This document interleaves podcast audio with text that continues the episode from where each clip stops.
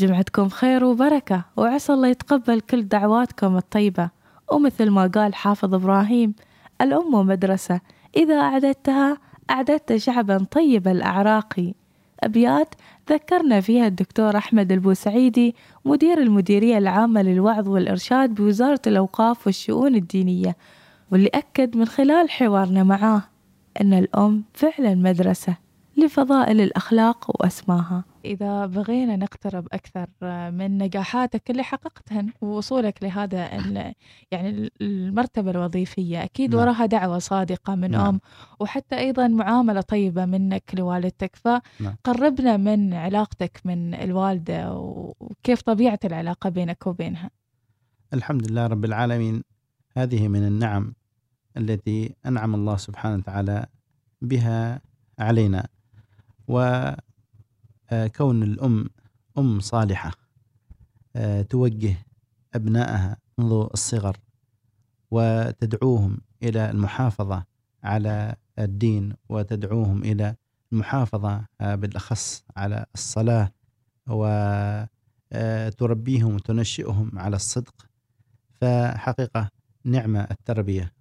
وهذا ما بفضل الله سبحانه وتعالى لمسناه يعني في تعاملنا آه، مع والدتنا بحمد الله كانت ولا زالت أما صالحة رؤوفة رحومة فتعلمنا منها الكثير الكثير ونشأنا بحمد الله سبحانه وتعالى على درب الصلاح ويعني جزاها الله خيرا كانت يعني تحاورنا وكانت تبين لنا بعض الجوانب بالنسبة هذه الحياة. فتربينا وتعلمنا فهي كما آه، قيل بأنها مدرسة. الأم مدرسة. إذا أعددتها أعددت شعبا طيب الأعراق. فبحمد الله سبحانه وتعالى كانت هذه التوجيهات لا زالت يعني منذ صغرنا لا زالت تتردد في آذاننا لأنها كانت من أم يعني صادقة آه، علمت هذه المسؤولية فقامت بواجبها. وصبرت علينا على يعني شقاوتنا عندما كنا آه، صغارا. آه، يعني لا نفقه كثير من الأمور ولكن كانت يعني تصبر علينا أحيانا نخرب بعض الأشياء أو نكسر بعض الأشياء. هي تأتي يعني بهدوء ورزانة وتبين لنا خطأ هذه يعني السلوكيات. وكانت يعني تحمينا من الآخرين من من العنف وما إلى ذلك. فكانت يعني حقيقة نعم الحامي ونعم المربي. فجزاها الله خيرا. آمين. الله يحفظها يا رب ويبارك في عمرها. آه لكن الشيخ يعني نريد في هذا البرنامج يعني نقرب المستمعين من نعم. التفاصيل اللي ذكرتها حلوة يعني. نعم. وهل في مواقف بعينها تفاصيل بسيطة أنت تتذكرها للحين؟ وبينك وبين الوالدة وهذيك المواقف هي اللي صنعتك هي اللي خلتك بشخصية كبيرة. أعطينا من المواقف والقصص. يعني من ضمن يعني القصص التي يعني لا زالت يعني راسخة في في في الذهن. عندما كنت صغيرا في سني يعني يعني يمكن أقل من من السابعة ارتكبت بعض الأخطاء. فحقيقة يعني يعني طبعا هي لا تستعجل طبعا بالضرب أو بالأسلوب العنف لكن أحيانا يتجاوز الطفل يعني بعض السلوكيات ببعض السلوكيات أو بعض الأخطاء. فيعني أدى منها إلى أن يعني عن عنفتني وأيضا نوع من التأديب فوجدت أثر ذلك التأديب ولو كان يعني يعني في نوع من الأذى لكنه بالتالي يرسخ في الذهن أني فعلا ارتكبت يعني خطأ ولا بد أن أتراجع. ففعلا يعني بحمد الله يعني تراجعت عن ذلك الخطأ الذي أخطأته وكان ذلك يعني مذكرا لي بأن الأم يعني هي الأم آه التي تحمل الرحمة والشفقة. ولا تلجأ إلى العنف إلا إذا تجاوز هذا الإنسان. فأذكر ذلك الموقف وكلما مثلا يعني ارتكبت شيء مثلا من الأخطاء أذكر إلى أن أن هناك من يتابعك وهناك من يعني يريد لك آه، الخير.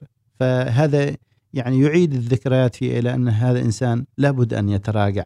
وهذه المواقف تحدث يعني في نفس الإنسان نوع من يعني التأنيب الضميري أو أو أيضا يعني التراجع آه، أو المراجعة للنفس. فلذلك يعني من ضمن هذه المواقف آه، يعني آه، وجود هذه المواقف المؤثرة في في حياة الإنسان ولو كان فيها شيء من الألم لكن تربي هذا الإنسان وترجعه إلى الصواب. شيخ نعم. تتذكر يعني بغيت أسألك نعم. قبل يعني الوالدة هل هي متعلمة ولا غير متعلمة؟ نعم. تتذكر أشياء بسيطة من نعم. ذكرياتك مع الوالدة أثناء دراستك سواء كان نعم. مرحلة أي مرحلة من المراحل نعم. الدراسية؟ إيه، نعم. هي حقيقة يعني الأم يعني كانت يعني تتابعنا وتوجهنا بالرغم أنها لم تدخل يعني مدارس أو لم تتعلم يعني يعني تعلما حديثا وإنما طبعا درست في مدارس القرآن وكانت يعني تحفظ ما تيسر من القرآن وتهتم بتعليم القرآن وتوجهنا يعني حقيقة كان من الصغر قبل أن ندخل المدرسة توجهنا إلى معلمة هناك للقرآن وتتابعنا في يعني سيرنا وذهابنا إلى إلى يعني دراسة القرآن وهكذا أيضا بعد ما دخلنا إلى المدرسة لم تكن طبعا آه، تعرف يعني هذه التفاصيل ولكن تحثنا عندما تجدنا نلهو ونلعب ولا نهتم بالدراسة تذكرنا بأهمية يعني الدراسة وتوجهنا باستغلال الأوقات. فكانت حقيقة دافع لنا يعني إلى التعلم وإلى بالرغم أنها لم تكن هي يعني متعلمة يعني بالشكل الحديث الآن لكن كانت تحب العلم. ولذلك هي إلى الآن يعني على الرغم من كبيرة في السن تحب أن تتعلم دائما يعني تسمع آه، من خلال القنوات سواء الإذاعية أو التلفاز أو يعني تبحث عن المحاضرات عن الدروس عن يعني وهي, وهي تستفيد من هذه يعني الدروس وأيضا هذه المحاضرات وهذه التنبيهات التي تسمعها تخبرها للجارات يعني عندما تجلس يعني في جلسات في القهوة أو ما إلى ذلك بحكم انها سمعت هذه النصائح عندما تجد بعض الأخطاء من بعض الأمهات أو ربات البيوت توجهها من هذا الكلام الذي تقولينه خطأ أو هذا المسلك الذي تقولنه خطأ أنا سمعت كذا كذا والشيخ الفلاني يقول بان كذا كذا كذا كذا.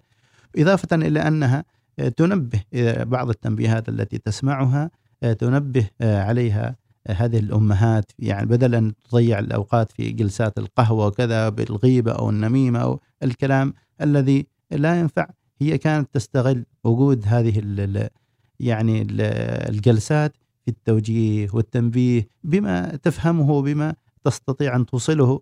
ولذلك يعني الحمد لله وجدت احتراما وتقديرا بين الجارات وبين يعني الأهالي لأنها كانت دائما الناصح أو الموجه والمربي يعني سواء لأولادها أو أيضا لجيرانها وأهلها. يعني نقدر نقول إن الوالدة ساهمت بشكل كبير لتحديد تخصصك اللي أنت حبيته وأيضا أنت موجود الحين في وزارة الأوقاف والشؤون الدينية. نعم. هي كانت تشجعنا دائما كما قلت في البداية على العلم وعلى المعرفة. وكذلك أيضا قبل الدخول في المدارس كانت تشجعنا على حفظ القرآن وعلى الاهتمام والعناية به. وهذا حقيقة أسهم يعني آه، إسهاما آه، مهما في حبنا يعني للدين حبنا للقرآن حبنا لتعلم يعني ما يتعلق بهذا القرآن. وهو طبعا مصداق لحديث النبي صلى الله عليه وسلم علموا أولادكم القرآن فإنه أول ما ينبغي أن يتعلم من علم الله وهو وأيضا نستنتج من ذلك دور الأم في توجيه الأبناء آه، توجيه الأبناء الوجهة الطيبة. سواء من حيث العلم وأيضا من حيث المسلك وأيضا من ناحية أيضا الأخلاقيات. فبحمد الله يعني تربينا على الأخلاقيات يعني الطيبة وفي التعامل مع الآخرين. آه، في الرقي التعامل مع الآخرين. هكذا تعلمنا من خلال المواقف التي تعرضت لها أو تتعرض يعني طبعا هذا معروف. بين الجيران أحيانا وبين الأهل تحدث بعض المواقف. فلم تكن هي طبعا لتنفعل أو يعني ترد كما يقال ال- آه، الصاع بالصاعين أو كذا. لا إنما كانت تتعامل بحكمة وبترون مع أخطاء الآخرين. فلذلك بحمد الله كسبت احتراما وتقديرا كبيرين. فكلما أخطأ عليها مخطئ سواء كما يعني قلت مثل من الجيران أو من الأهل أو من هنا أو هناك. كانت ترد يعني بالحسنى وتتعامل بكل يعني لطف وهذا ما أكسبنا الكثير حقيقة من الأخلاقيات في تعاملنا مع, الآخرين وهذا مما ينبغي أن تهتم ال- الأم بتوجيه سلوكيات أطفالها خاصة الآن الآن موجود يعني وسائل التواصل ووسائل التعلم من هنا وهناك يعني تتشتت الأذهان مم. وتتأثر هذه السلوكيات بهذه الوسائل وسائل المعرفة المختلفة فيكتسب ال- الأولاد أخلاقيات آه، خارجة عن المجتمع وخارجة عن يعني يعني ال- البيئة ال- التي يعيشه يعيشها وكذلك أيضا الآداب الدين الذي يحمله فلذلك آه، الأم لها دور كبير في التوجيه للسلوكيات والأخلاقيات إضافة إلى التوجيه إلى ال إلى ال العلم والعمل. لنفترض أن الوالدة الله يحفظها الحين تسمعنا ومن خلال هذا البرنامج برنامج رسالة إلى أمي. فإيش الرسالة اللي حاب تقولها للوالدة الحين؟ وإيش الكلمات اللي بتصفها؟ مهما أن كنا نعرف أن الكلمات ما توفي حق الوالدة. نعم. حقيقة يعني أوجه يعني آه كلمة يعني شكر وتقدير آه للأم العزيزة.